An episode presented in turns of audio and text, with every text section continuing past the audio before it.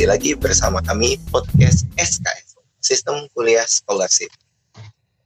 Kita udah masuk di episode kelima. Eh Mel, aku mau tanya sesuatu nih ke kamu. Jadi di ITB Iya. itu kemarin, jadi di ITB kemarin tuh aku belum submit sertifikat bahasa Inggris sih, gara-gara aku expired kemarin udah uh, expired date. Hmm, ngomong-ngomong, kamu pakai sertifikat bahasa Inggris apa Mel? Kalau aku kebetulan ngambil IELTS, Bas. Kalau kamu gimana? nggak tahu nih enakannya ngambil apa ya sebenarnya aku dulu sih awalnya ngambilnya TOEIC sih nggak tahu ini bebas jadi aku nggak ada referensi yang lebih uh, akurat kamu tahu nggak uh, sedikit tentang hal itu nggak Hmm, kalau aku pribadi sih pernah ngambil TOEFL sama ngambil IELTS, Bas, paling. Dan itu pun beda banget. Karena kalau IELTS kan ada empat part tuh. Kalau TOEFL itu cuman beberapa part dan semuanya tertulis. Hmm, enakan mana sih metode yang paling bela- uh, metode belajarnya dari TOEFL atau IELTS itu Nah, kalau terkait metode itu beda-beda karena gaya belajar orang beda-beda kan ya. Dan tergantung juga nih kita mau daftar ke mana dan skornya berapa seperti itu. Uh, aku butuh wawasan lebih nih buat uh, persiapanku ke depan tahun depan aku harus ngambil nih. Kamu ada temen nggak ya yang bisa kasih pencerahan atau lo punya referensi lain gitu buat aku belajar? Nah, pas banget nih Bas. Di podcast kali ini kita kedatangan tamu agung yang spesial banget. Dia jago banget bahasa Inggris. Penasaran nggak? Wah, siapa Mel? Nah, namanya adalah Anita Mediana. Jadi, Mbak Anita ini adalah lulusan dari Universitas Pendidikan Indonesia dengan jurusan Pendidikan Bahasa Inggris. Beliau akan segera lanjut S2 ke University of Glasgow di bidang Teaching English to Speaker to Other Languages. Nah, biar kamu nggak penasaran, nanti bisa tanya-tanya banyak juga. Yuk kita invite tamu agungnya. Ayo.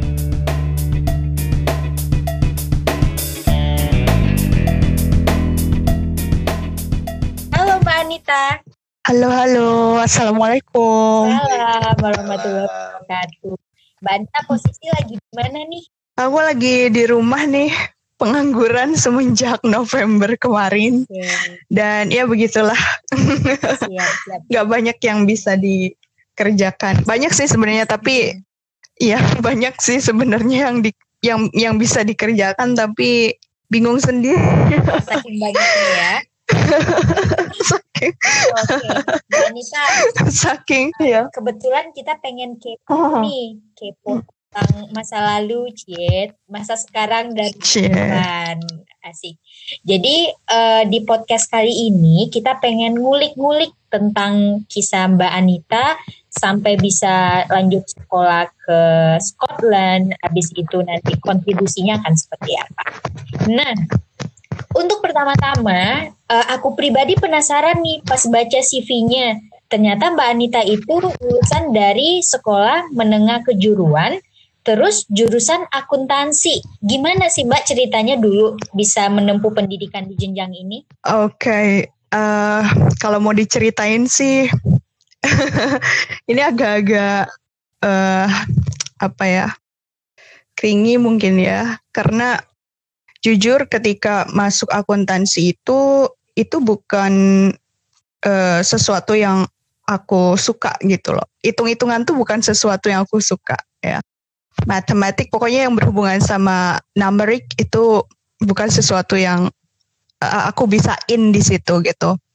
Jadi waktu itu cuma sesederhana aku nggak mau jurusanku itu sama dengan kakak gitu. Dulu kan kakak juga di SMK ya. Kakakku di SMK juga. Dua-duanya. Aku punya dua kakak. Kakakku di SMK dan eh, yang satu itu eh, itu satu alma mater kan sama aku dan eh, dia ngambil eh, kalau waktu itu disebutnya administrasi perkantoran ya. Nah terus aku tuh nggak mau nggak mau sama gitu sama kakakku ketika masuk SMK. Jadi aku ambil akuntansi aja gitu. Jadi kayak apa ya kayak eh, let's say batu loncatan kali ya karena dulu sebetulnya pengen masuk ke SMA ke kelas bahasa tapi karena uh, aku kan uh, di Subang ya uh, domisilinya karena waktu itu tuh uh, kelas bahasa di SMA tuh baru akan diadakan ketika misalnya sudah memenuhi apa namanya kayak si muridnya tuh udah memenuhi standar yang diminta sekolahnya gitu. Kalau misalnya jumlahnya belum belum penuh ya berarti ditiadakan. Jadi ya begitu ceritanya. Akhirnya masuklah ke akuntansi.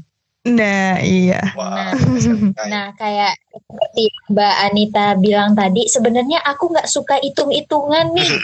Nah, supaya survive tetap bahagia pas SMK, kegiatan apa sih Mbak yang dilakuin selain sekolah atau dunia akademis? Oke, okay.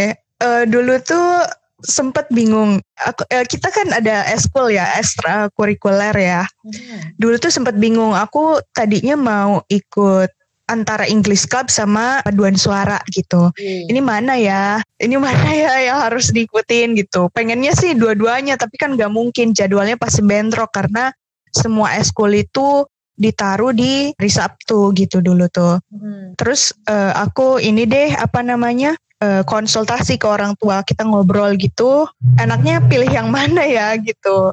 Ya udah pilih paduan suara aja kata orang tua aku gitu. Soalnya kan waktu itu aku udah kursus bahasa Inggris gitu kan. Jadi ya udah belajarnya di kursus saja katanya gitu. Lebih baik ya biar nggak pusing juga katanya gitu. Kamu belajar terus katanya gitu kerjaannya. Jadi ya udahlah aku aku ikut paduan suara lah.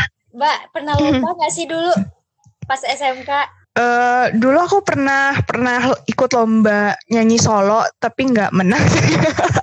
Ada yang lebih jago soalnya.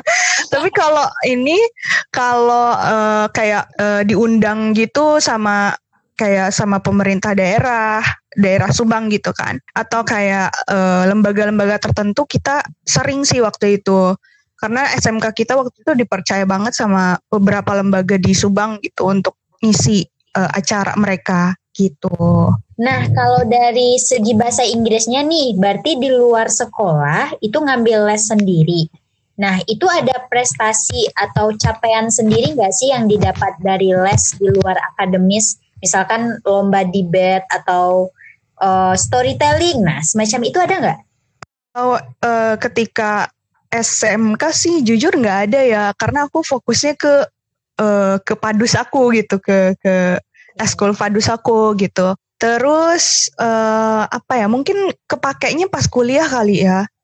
Jadi oh. kalau kalau dilihat mm, kalau dilihat ketika SMK, SMP, aku kan dari SMP tuh kursus tuh. Kursus bahasa Inggrisnya dari SMP, terus sampai eh, kelas 1 SMK itu kursus, tapi ya pasif aja gitu. Oh, pernah satu kali, Deng. Pernah satu kali aku pernah ikut, aku lupa. aku lupa. Aku pernah ikut ini, aku pernah ikut news anchor. Dulu wow. tuh uh, uh, pernah pernah sekali, tapi ya gitu aja sih jadi partisipan aja. iya. Ikut meramaikan gitu. Pertanyaanku yang berikutnya nih, ini ceritanya seru banget.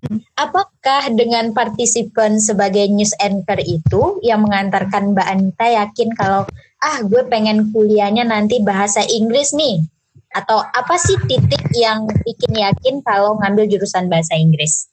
Oh, ditanya titik yakinnya sih gimana ya? Uh, mungkin karena lihat prospek ke depannya mungkin ya. Terus uh, akunya juga suka suka belajar bahasa gitu. Aku suka belajar bahasa dan aku juga suka uh, isu-isu internasional gitu. Jadi ya kayaknya bahasa Inggris pilihan yang tepat untuk aku untuk uh, lanjut apa namanya uh, sekolah gitu. Oke, dan iya karena suka sih karena suka belajar bahasa akhirnya sampailah Mbak Anita di Universitas Pendidikan Indonesia jurusan Pendidikan Bahasa Inggris. Betul. Oke lanjut untuk di uh, mungkin ceritanya di SMK banyak banget ya dan berwarna-warni lah menurutku uh, awalnya aku sendiri juga dari SMK hmm. jadi uh, hal-hal yang misalnya itu adiktif terus uh, kejuruan terus ikut ekstrakurikuler wah pasti lebih seru. Nah untuk di S1-nya sendiri ini ngambil bahasa Inggris apa yang mendasari hal tersebut mbak? Kenapa bisa pindah haluan dan susah nggak? Kan kalau di SMK itu biasanya harus ada penyataraan level untuk uh, kan nggak sama kayak SMA gitu loh. Oke, okay. sebetulnya pas zamannya aku dulu daftar ke uni itu nggak uh, apa ya requirementnya sama aja sih kayak anak-anak uh, SMA SMK gitu. Maksudnya iya sama sama aja kayak anak SMA. Uh, soalnya aku sih nggak uh, seingatku ya ini soalnya udah beberapa tahun yang lalu. uh, requirementnya sama aja, terus eh, nggak ada sesuatu yang kentara banget gitu membedakan antara dokumen anak SMK dan dokumen anak SMA gitu loh. Jadi nggak ada. Kalau menurutku sih nggak ada sih waktu zamanku dulu. Tapi mungkin uh, yang bikin struggle itu adalah cari informasinya sih. Karena waktu itu kan akses masih terbatas. Terus aku dulu tuh kayak harus ke warnet gitu kan dulu karena belum punya uh, handphone yang ada internetnya kan gitu. Mungkin iya, itu sih kayak sejam tiga ribu empat ribu deh. Ya, sama-sama gitu. Iya. Kalamin juga ya ada warnetnya. Jalurnya apa dulu SNMPTN atau SBMPTN waktu masuk di UPI? Aku ambil SNMPTN dan alhamdulillah uh, lulus gitu.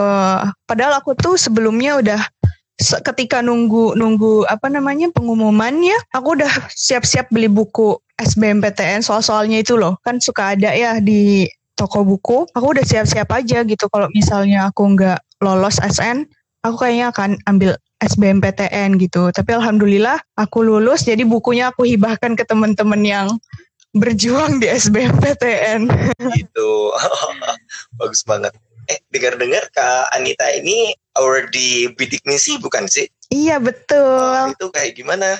Uh, kayak gimana apanya nih? Iya, perjuangannya atau memang itu direkomendasikan dari guru atau inten, uh, inisiatif sendiri waktu itu?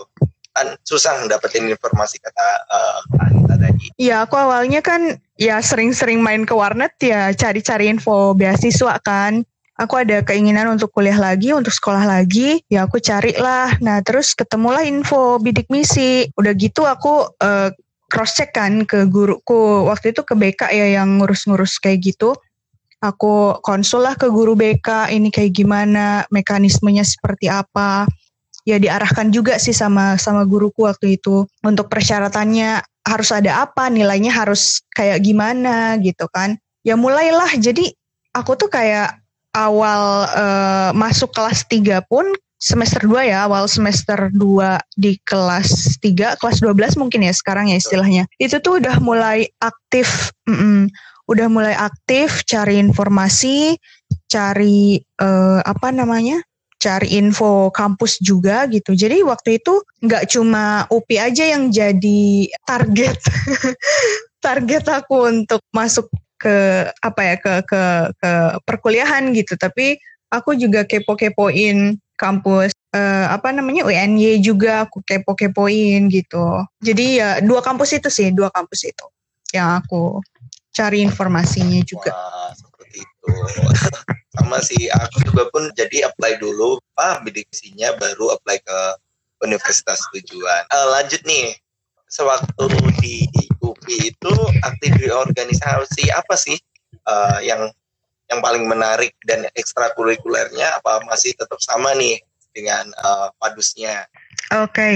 kalau di uh, uni ketika aku kuliah sih aku pindah haluan lagi ya, karena aku tahu di padus itu capek ya. Dan kalau latihan itu nggak cukup cuma kalau misal misal ada event nih itu nggak cukup uh, seminggu dua minggu. Itu harus berbulan-bulan. Bahkan kayak misal untuk perform uh, apa namanya 30 menit atau misal 15 menit pun itu kayak enam bulan sebelumnya itu udah mulai latihan gitu loh. Aku tahu konsekuensinya seperti itu, jadi aku pindah haluan lah gitu. Nah, aku mulai tertarik ke organisasi keislaman pas uh, di kuliahan. Aku ikut tutorial namanya kalau di UPI ya. Nah, terus di tutorial itu aku ambil bidang perpus karena aku tertarik banget tentang uh, gimana cara ngelola buku, gimana cara uh, apa nge-manage buku-buku gitu. Jadi aku ambil bidang perpus gitu. Tahun kedua perkuliahan aku baru ikut himpunan uh, di jurusanku gitu. Tapi tetap masih di uh, organisa um, bukan uh, maksud aku di uh, departemen keislaman gitu. Wah, seru banget Mel. Gimana Mel menurut? Iya, luar biasa, Bas. Tapi aku udah pengen Okay. move on nih, Bas. Karena kayaknya ceritanya Mbak Anita saat sekarang dan ke depannya menarik banget nih. Karena dia mau ke luar negeri ceritanya. Oke. Mbak Anita, waktu itu lulus tahun berapa ya? Lulus dari UPI 2014 Mbak. 2014. 2014. Oke, keterima LPDP 2019. 2019. Oke, lima tahun itu eh, pencarian apa sih sebenarnya sehingga bisa sampai ke titik oke, aku akan lanjut kuliah lagi S2 di luar negeri. Itu cukup panjang sebetulnya ya. Aku mulai kepo-kepoin dari 2017 beasiswa LPDP itu. Tapi kepo-kepoin yang masih santai gitu loh. Jadi nggak terlalu serius. Aku udah download-download eh, apa namanya kayak buku panduannya juga kayak gimana aku baca-baca tapi nggak terlalu yang diseriusin gitu. Sampai akhirnya di 2000 eh, berapa ya? 18 18 mulai itu mulai eh, kayaknya gerah gitu ya. Apalagi apalagi kan di Oktober itu aku wisuda, Oktober 2018 aku wisuda, terus kan aku dapat info katanya LPDP bakal mau tutup nih yang gelombang keberapanya gitu ya, aku lupa waktu itu. Jadi dua gelombang aja ya. nggak salah. mm-mm. Ta- tapi nah tapi eh, apa namanya nggak keburu karena ijazahku kan belum keluar waktu itu gitu sedangkan Iya. LPDP minta eh, ijazah harus eh, ada kan gitu jadi kayaknya yaudah deh aku putuskan untuk kerja dulu gitu di 2019 Iya, selama kerja di 2019 mungkin ada perenungan apa lagi? Mhm. Eh, jadi di 2019 awal aku dapat kerjaan nih Mbak eh bagian desain gitu. Jadi kan itu bertolak belakang banget kan sama sama eh, sama background knowledge aku gitu. Nah di situ eh cuma sebentar doang sih kalau mau diceritain. Jadi aku bertahan cuma sebentar doang di situ karena aku nggak betah. Ya pertama aku tanggung jawabnya besar di situ kan dan aku tuh kayak masih banyak banget eh, ngeraba-raba gitu loh. Ini kerjaan aku tuh kayak gimana sih harusnya gitu loh. Terus aku nggak ada nggak ada setitik pun gitu ya kepikiran bakal eh, ditempatkan di bagian desain. Tapi ternyata aku waktu itu sempat dipercaya di desain, tapi akunya nggak sanggup. Jadi aku dari situ mulai mulai eh, mulai goyang tuh aku eh, pendiriannya kayak kayaknya kok hidupnya gini-gini aja gitu. Maksudnya kayak nggak berkembang terus eh, aku kemarin kuliah 4 tahun tuh kayak nggak pakai gitu. Meskipun ya yang aku operate itu pakai bahasa Inggris tapi kayak aku nggak menjiwai aja gitu. Karena mungkin passionnya nggak di situ. Aku mulailah mikir kayaknya mending sekolah lagi deh. Kayaknya harus harus harus masuk kelas lagi gitu. Harus banyak baca lagi, banyak banyak banyak hal yang aku nggak tahu. Jadi aku putuskan untuk keluar dari situ. Terus aku mulai seriusin tuh di 2019 awal mulai seriusin segala sesuatu yang berhubungan dengan beasiswa LPDP gitu. Berkas-berkasnya mulai diurus semua. Nah iya betul. Oke, kalau dari segi ini, dari segi mental nih, kenapa kok bisa yakin? Oke, gue harus dapet itu apa sih yang Mbak Anita alami atau Mbak Anita punya tipsnya sendiri gitu supaya mentalnya kuat? Sebetulnya berangkatnya dari ini ya, dari pertama eh, kita harus keluar dari zona nyaman dulu gitu. Karena kan Oh, udah ada Nah triggernya. itu triggernya harus keluar nih dari zona nyaman. Soalnya kayak kalau misal standar di sini tuh kan di di di daerahku ya kayak misal enak udah udah ya udah sekolah gitu, udah udah kuliah, terus punya kerja mau apa sih gitu kan, udah enak lah gitu.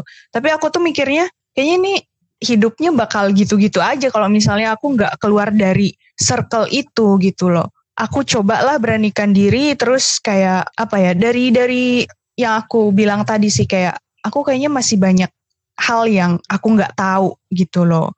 Banyak hal yang aku harus pelajari lagi gitu. Dan uh, dari situlah mulai muncul keberanian untuk daftar. Terus apa ya berdoa sih. Berdoa itu penting banget keluarga juga itu luar biasa banget sih menurutku. Jadi aku pengen tahu sih sebenarnya kenapa sih alasannya Mbak Anita ngambil Universitas Glasgow dan kenapa harus TESOL lagi gitu loh? Apa nggak ada opsi lain? Coba bisa kasih gambaran ke kita nih alasannya kenapa? Oke, okay, kenapa Glasgow itu kayak apa ya? Dari hasil compare and contrast selama beberapa waktu ya. Jadi aku tuh waktu itu memang fokusnya nggak ke kampus dulu. Pertama, aku pengennya apa? Pengen belajar apa dulu? Nah itu sih dasarnya itu. Aku pengen belajar apa dulu? Oke, aku passionnya di pendidikan. Uh, aku tertariknya di bahasa. TESOL program itu kayaknya sesuatu yang perfect banget untuk aku bisa uh, belajar di situ gitu. Jadi menggabungkan antara kebutuhan dan keinginan mungkin ya karena kebutuh kalau kalau ngomongin kebutuhan mungkin nanti di masa depan aku sih pengennya ya balik lagi ke kelas ngajar lagi gitu kan dan keinginan aku ya ya itu belajar bahasanya gitu loh jadi uh, aku putuskanlah ke ingin ke UK gitu kenapa UK karena mungkin akarnya di sana gitu karena bahasa Inggris pun uh, berkembangnya juga dari dari Scotland juga kan gitu. Terus apa ya? Aku pilih beberapa uni yang memang provide atau menyediakan jurusan TESOL, aku compare and contrast di situ, itu cukup bingung sih karena mereka kan bagus-bagus. Terus mata kuliahnya pun ada nih misal kayak aku pengen nih belajar di sini karena mata kuliahnya aku pengen banget belajar gitu. Tapi ternyata misal tempatnya aku nggak suka. Uh, jadi aku tuh nggak cuma konsid uh, gini gini. Konsiderasinya nggak cuma tentang uh, jurusan terus negara apa namanya uh, universitas tapi juga aku konsiderasi kayak aku mampu nggak di situ. Aku bisa nggak memenuhi requirementnya. Terus uh, kayak aku juga harus ngukur kan kemampuan aku uh, sampai mana gitu loh. Bisa nggak memenuhi standar di sana terus tempat juga itu tuh kayak jadi konsiderasi penting juga untuk aku gitu. Aku bisa nggak ya tinggal nanti di tempat yang seperti ini gitu di lingkungan yang seperti ini di kota yang eh, apa namanya gambarannya seperti ini gitu. Kayak sempet aku sempet eh, apa namanya sempat tertarik masuk UCL uh, University College London. Ya tapi aku nggak suka dengan hiruk pikuk di Londonnya gitu. Jadi aku putuskan oh N aja udah uh, gagalkan aja udah. Karena ya itu sih. Aku juga mikirin juga nanti kemungkinan terburuknya ketika misalkan kayak gini loh. Kita kan belajar itu nggak selamanya uh, nyaman gitu ya. Maksudnya nggak selamanya dalam kondisi yang yang oke, okay, yang energinya on terus gitu. Pasti ada waktu, ada hari-hari di mana kita tuh uh, ada malesnya gitu, ada ada nggak semangatnya. Dan aku pengen antisipasi itu. Nah, untuk mengantisipasi itu, aku perlu lingkungan alam yang bagus gitu. Aku suka healingnya, self healingnya dengan ya balik ke alam gitu. Dan Glasgow menawarkan itu. Jadi aku pikir itu kayak paket lengkap gitu loh mbak. Kotanya nggak terlalu uh, crowded terus bentang alamnya oke. Okay, mm-hmm. akunya juga uh, klik sama mata kuliahnya yang disediakan di TESOL program di University of Glasgow-nya gitu. Jadi kayak oke okay, kita pilih Glasgow. Gitu. oke. okay menarik sekali. Ini kayak oh, jodohku gitu.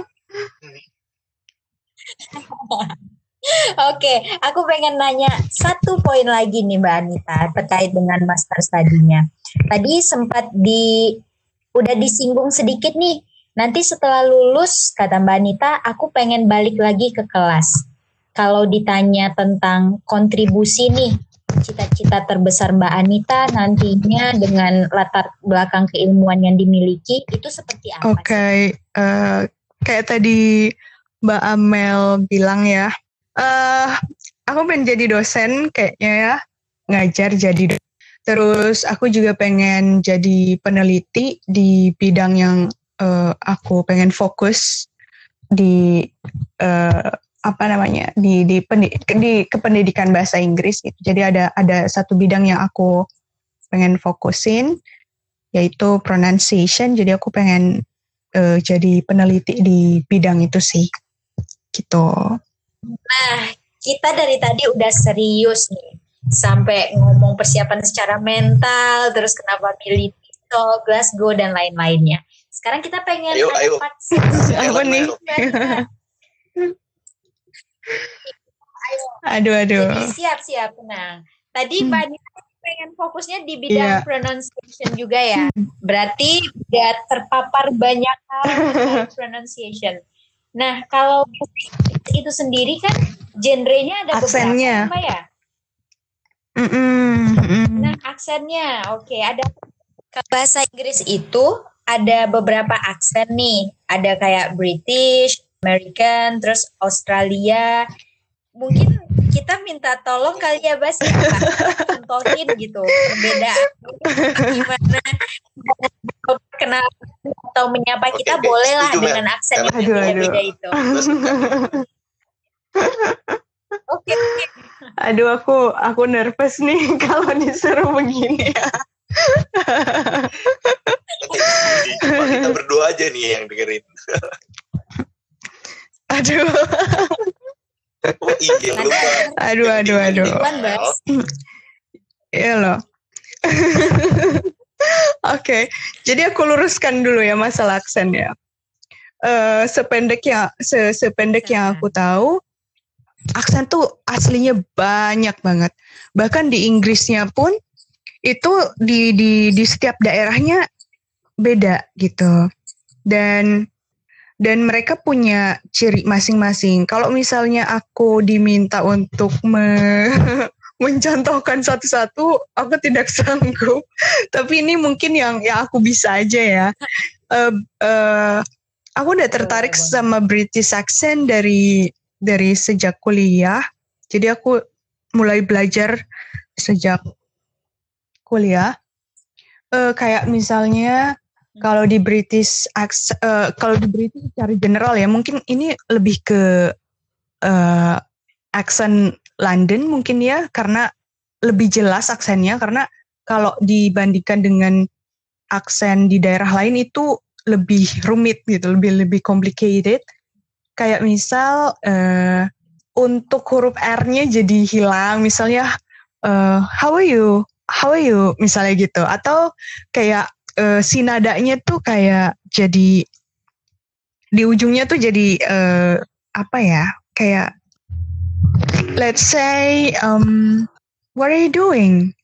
Gitu. Jadi kayak ada ujungnya tuh memang khas banget. Mungkin aku nggak bisa secara perfect ya untuk mencontohkan. Teman-teman mungkin bisa uh, cari referensi British accent yang lebih lebih lebih sehat daripada yang aku contohkan. Pokoknya intinya kuncinya adalah kalau British itu R-nya jadi hilang ya dan uh, banyak aspiration juga. Di American di American accent mungkin R-nya lebih lebih lebih berani gitu. How are you? Atau misal kayak uh, could you give me some water? Misal R-nya jadi strong gitu ya. Tapi kalau di uh, British accent mungkin R-nya hilang atau diganti jadi H. Kayak misal water, water hmm. jadi water atau uh, shower misalnya gitu ya bukan sawah ya bukan shower, ya gitu deh gitu deh pokoknya. Intinya itu deh. Aku malu aku malu takutnya ada yang lebih expert terus dengerin ini terus kayak ah itu bukan kayak gitu gitu. Jadi jadi itu sependek sependek yang aku tahu. Iya. Itu masih banyak harus belajar sih. Selain aksen biasanya gitu. juga uh, slangnya beda-beda kan ya mbak ya? Nah itu. Hmm.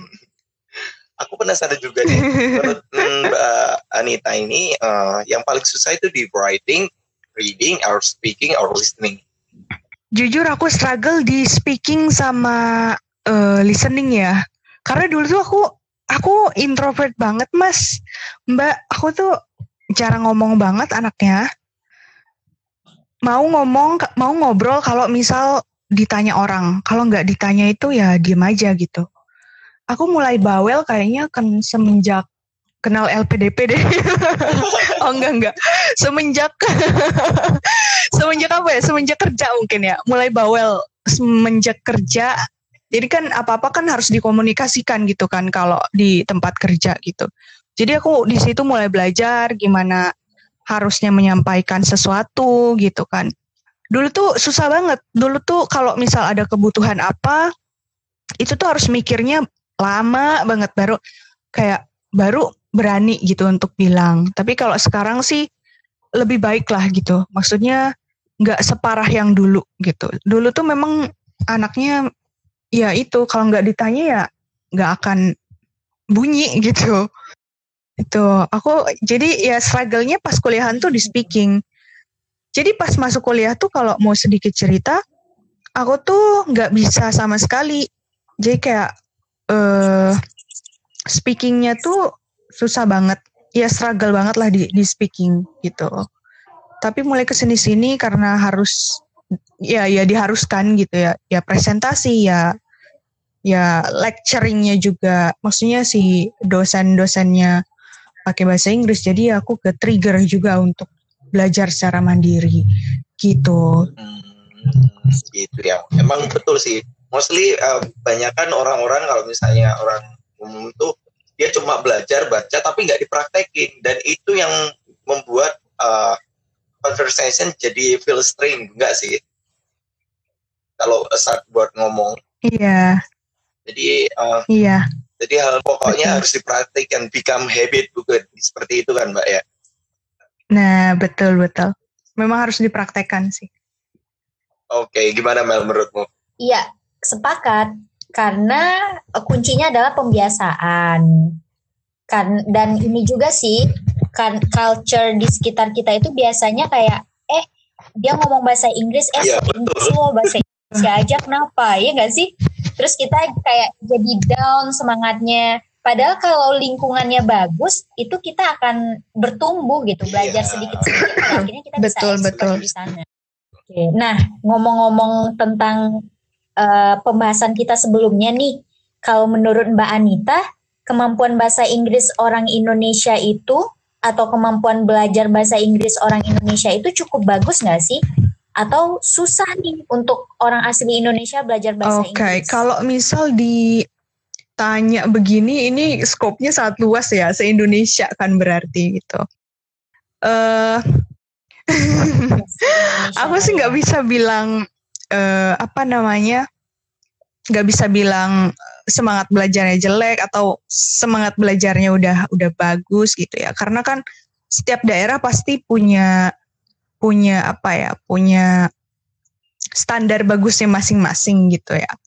Tapi kalau sepengalaman aku ketika aku ngajar dulu sepanjang aku ngajar waktu itu itu memang anak-anak struggle banget masalah uh, comprehensionnya sih. English comprehensionnya masih kurang ya. Terus uh, karena pengajaran dulu itu kan fokusnya ke grammar terus gitu ya ke textbook. Maksudnya textbook uh, textbook base oh. gitu ya. Jadi mungkin itu yang yang perlu di diperbaiki mungkin ya. Tapi sekarang sih aku lihat uh, kurikulum juga udah udah di, dirancang sedemikian rupa sehingga si anak-anak itu bisa belajar skill gitu, bisa belajar uh, English skills gitu. Dan itu menurutku improvement yang bagus sih. Tapi kalau dari anak-anaknya sendiri aku lihat sih masih kurang ya. Bahkan kayak itu tuh uh, sangat kentara sekali ketika uh, aku ngajar di daerahku dan aku ngajar daerah uh, Bandung gitu ya kalau di kota yang agak besar, lebih besar lah dari kotaku, itu anak-anaknya udah uh, kayak mereka mungkin dari lingkungannya mendukung gitu kan, dari keluarganya mendukung juga, dari fasilitas yang disediakan juga mendukung gitu. Jadi mereka praktisnya lebih oke okay, gitu. Kalau aku bisa bilang lebih oke okay, gitu daripada anak-anak yang aku ajar di daerahku.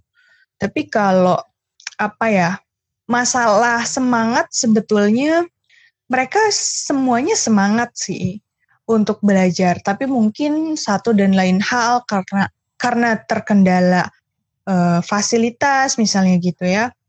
Mereka nggak punya akses untuk belajar setiap saat gitu karena mungkin e, beberapa dari mereka nggak punya akses internet setiap hari misalnya gitu kan. Itu mungkin yang yang membedakan gitu. Tapi aku lihat sih sama-sama bagus. Hanya mungkin ada faktor-faktor lain yang mempengaruhi mereka uh, untuk uh, bisa atau tidaknya belajar dengan konsisten dan kemudian itu yang jadi uh, apa namanya jadi uh, pengaruh ke outcome belajarnya gitu ke outcome belajarnya. Gitu sih menurutku. Komprehensif banget sih. Nah biasanya ini orang akan suka dengan pertanyaan yang seperti ini mbak apa sih tips and tricks cepat menguasai bahasa Inggris. Nah, kalau dari mungkin kata cepatnya harus dihapus ya, Mbak. Kalau dari aku, kalau kalau Mbak kalau dari aku ya biasanya ya. Kalau dari aku aku enggak uh, aku bukan uh, apa namanya? penganut penganut apa namanya kelompok cepet-cepet kayak gitu ya. Karena skill ini perlu latihan ya. Kuncinya latihan. Jadi setiap hari harus uh, ada lah 5-10 menit misalnya ya. Luang luangin waktu aja 5-10 menit untuk belajar bahasa Inggris. Entah itu uh, listeningnya entah itu reading. Reading aloud juga itu berfungsi. Maksudnya bukan berfungsi sih. Mungkin kata-katanya lebih berguna ya. Berguna untuk uh, apa mendukung speaking skill kita gitu. Aku jadi pernah waktu itu aku pernah baca penelitian kata penelitinya bahwa kalau uh, kita sorry kalau kita rajin reading aloud misal 15 menit sehari itu juga bisa uh, encourage kita untuk uh, memperbaiki uh, memperbaiki speaking skill kita gitu mungkin itu ya jadi harus harus uh, apa ya continuously done by the learner gitu Wah, seru banget nih seputar Inggris-Inggrisan. The last okay. related to Inggris-Inggrisan. Ini Mbak Anita udah kalau skor aduh aduh. aku malu kalau ditanya begini. Tadi harusnya mbak tadi pas di apa namanya di pembukaan harusnya kata-katanya jangan yang jago bahasa Inggris. Karena aduh aduh ini. Emang jago iya ya lo ya. Aku Aduh, aku pas-pasan sih. IELTS kemarin enam setengah aja mbak. enam setengah aja pas untuk requirement ke kampus. aduh. Jago banget nih. Aku kayak aduh aduh. Sebenarnya. Bas, kayaknya iya, kita udah udah nih Bas bercandanya Bas. Yuk iya. serius lagi yuk. Oke, singkat cerita nih gimana perjalanan okay. LPDP-nya yang paling susah di administrasi atau substansial atau bahkan tes politiknya? Ayo. Tiga-tiganya ada part-part susahnya gitu. Uh, untuk yang pertama administrasi ya, aku challenge-nya sih di di ngumpulin apa ya, ngumpulin berkas yang memang harus ada uangnya karena dulu tuh dulu tuh ya maksudnya ya aku kan dari kalangan rakyat jelata ya. Jadi agak-agak challenging gitu untuk manage uang uh, uang sehari-hari dengan uang yang harus dikeluarkan untuk uh, memenuhi berkas yang diminta gitu. Itu challenge di administrasi. Kalau challenge di uh, substansi ini sih belajarnya sih aku harus bagi waktu uh, antara kerjaan dengan belajar untuk persiapan SBK-nya itu gitu itu lumayan challenging karena kan tahu sendiri orang kerja capek. Aku baru uh, beres kerja tuh jam 8 malam gitu ya setiap hari.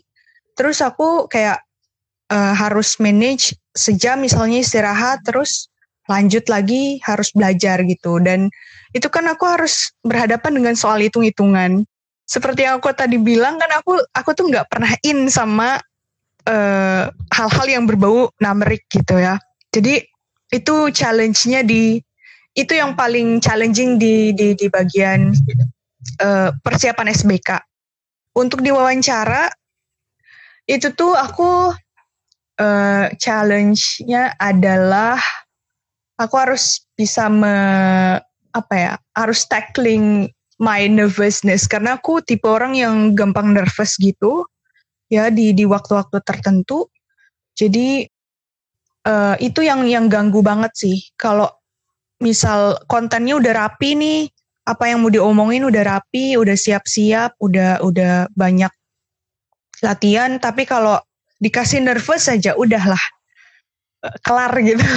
Jadi itu sih how to tackle our nervousness itu yang paling paling uh, oh. PR banget untuk aku pribadi sih. Mbak Nita, boleh dong bagi advice-nya atau saran-sarannya bagi pendengar kita nih. Gimana sih supaya mau belajar okay. menguasai uh, Pertama, kita harus senang dulu ya. Kalau yang nggak senang pun kita harus cari sesuatu yang memang kita senang di situ.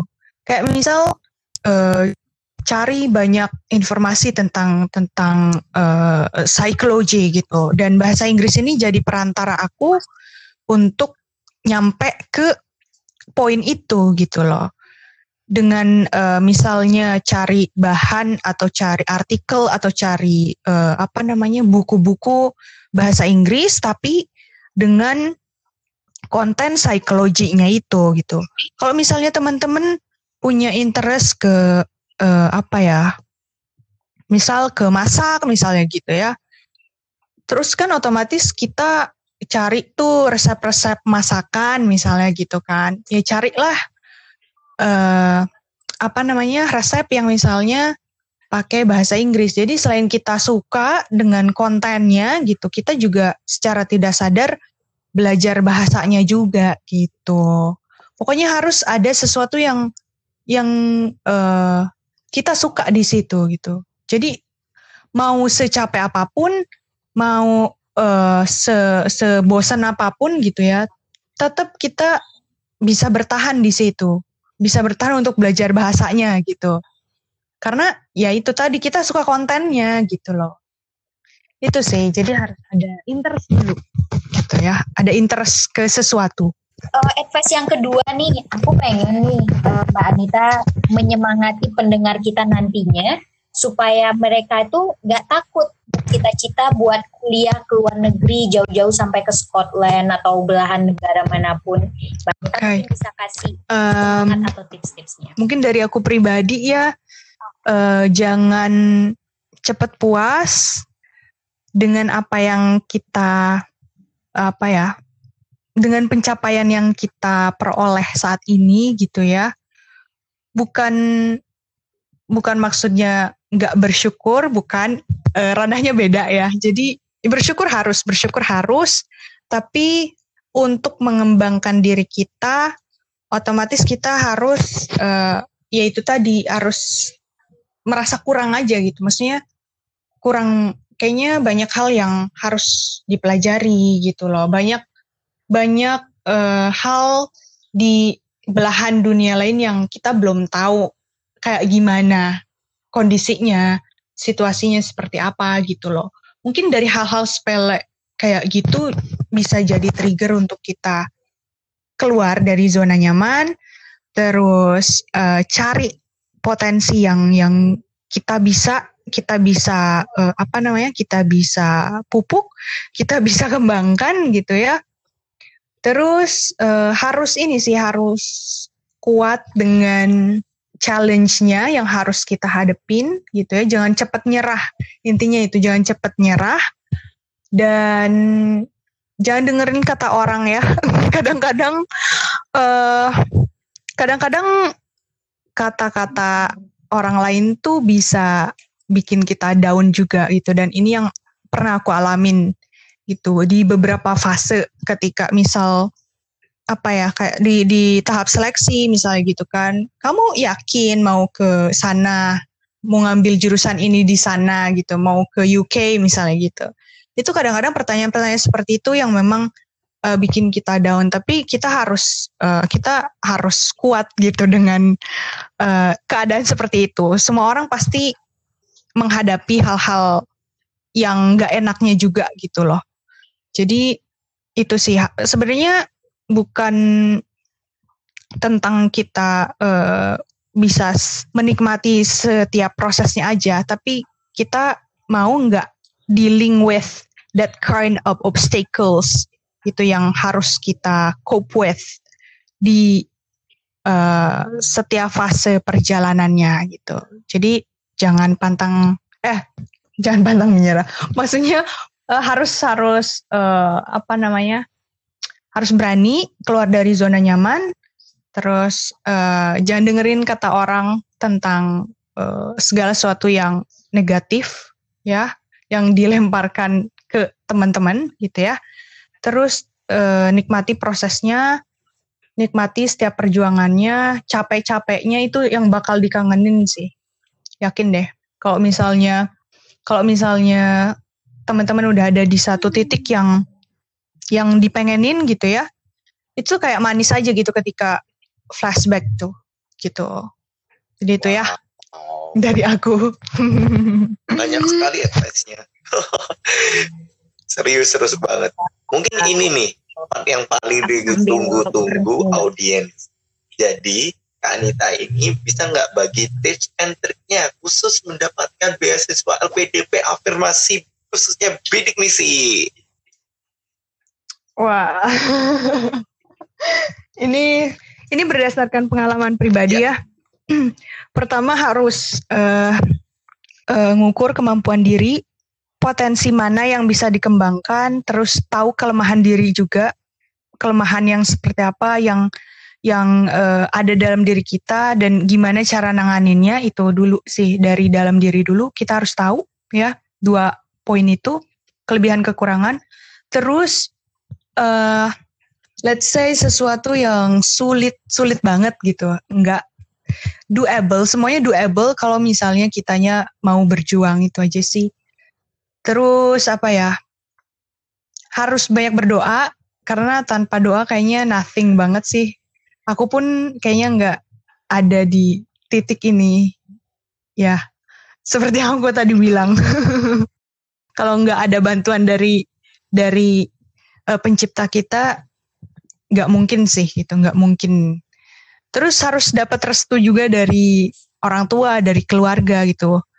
Terus bikin support system yang memang bisa mendukung kita ketika kita misalnya lagi uh, down misalnya lagi nggak pede nih dengan prosesnya gitu ya. Karena ada fase-fase yang aku pun uh, sempat nggak pede terus sempat kayak insecure lihat uh, kayak overthinking juga lihat orang-orang kok pada hebat-hebat ya terus aku kayak nothing gitu loh kayak aku nggak ada pengalaman yang uh, yang wah gitu ya tapi uh, orang-orang kok udah udah apa namanya udah sampai di titik ini dan itu gitu ya. Jadi memang uh, poinnya bukan di situ sih poinnya bukan di tentang pencapaian aja kalau di LPDP gitu tapi kamu mau nggak kontribusi setelahnya gitu. Jadi uh, oh ya ngomongin kontribusi juga kan itu kayak udah sesuatu yang uh, ubiquitous gitu loh di di kalangan kita ya kayak udah sesuatu yang yang jadi uh, banyak dibicarakan lah di kalangan award di LPDP gitu ya. Jadi uh, coba kamu atau coba teman-teman uh, pikirkan apa sih yang bisa dilakukan untuk uh, apa namanya untuk Indonesia atau untuk lingkungan kamu meskipun itu dari hal yang terkecil gitu loh. Jadi LPDP itu uh, typically mencari orang-orang yang memang bisa kontribusi tapi terukur gitu loh. Nggak yang ngawang-ngawang. Kalau misal kamu uh, atau teman-teman uh, bisanya cuma uh, bangun komunitas di lingkungannya di di di misalnya di di daerahnya sendiri atau misal di uh, di lingkungan rumahnya gitu ya. Kalau misalnya itu bisa dilakukan terukur, kayaknya itu lebih reasonable untuk uh, LPDP bisa bisa terima teman-teman gitu. Jadi itu sih jadi harus harus jadi diri sendiri intinya gitu dan tahu potensi apa yang bisa dikembangkan dan tahu apa yang bisa dilakukan untuk uh, lingkungan sekitar Oke, gitu. Luar biasa sekali advice-nya dari uh, gimana cara dapetin beasiswa, terus berani ngambil kuliah di luar negeri, terus semangat untuk menguasai bahasa Inggris. Wah, ini memang sesuatu hal yang bagus banget. Jadi menjawab apa yang uh, mungkin aku tadi awal-awal bingung sih persiapan metode yang apa yang lebih tepat.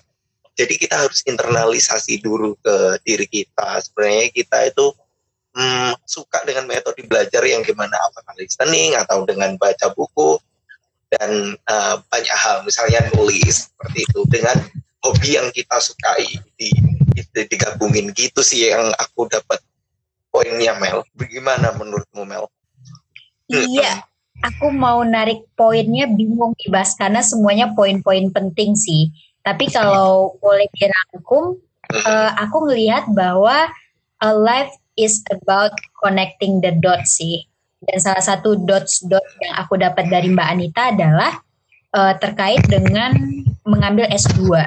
Jadi kita harus tahu dulu point of interest kita di mana, terus tahu untuk yang dituju dan menawarkan apa terkait dengan interest itu, dan terakhir adalah ilmunya mau diamalkan ke mana. Itu adalah titik-titik yang nantinya akan berkesinambungan dan iya, akan yeah, yeah. menunjukkan who we truly are gitu Mbak. Oke, kayaknya kita tutup aja kali ya. Oke, terima kasih Mbak Anita. Demikian podcast kelima kita kali ini. Pantengin terus podcast SKS, Sistem Kuliah Scholarship. Karena setiap orang punya kesempatan untuk sekolah tinggi. Sampai jumpa di episode ke-6. See you.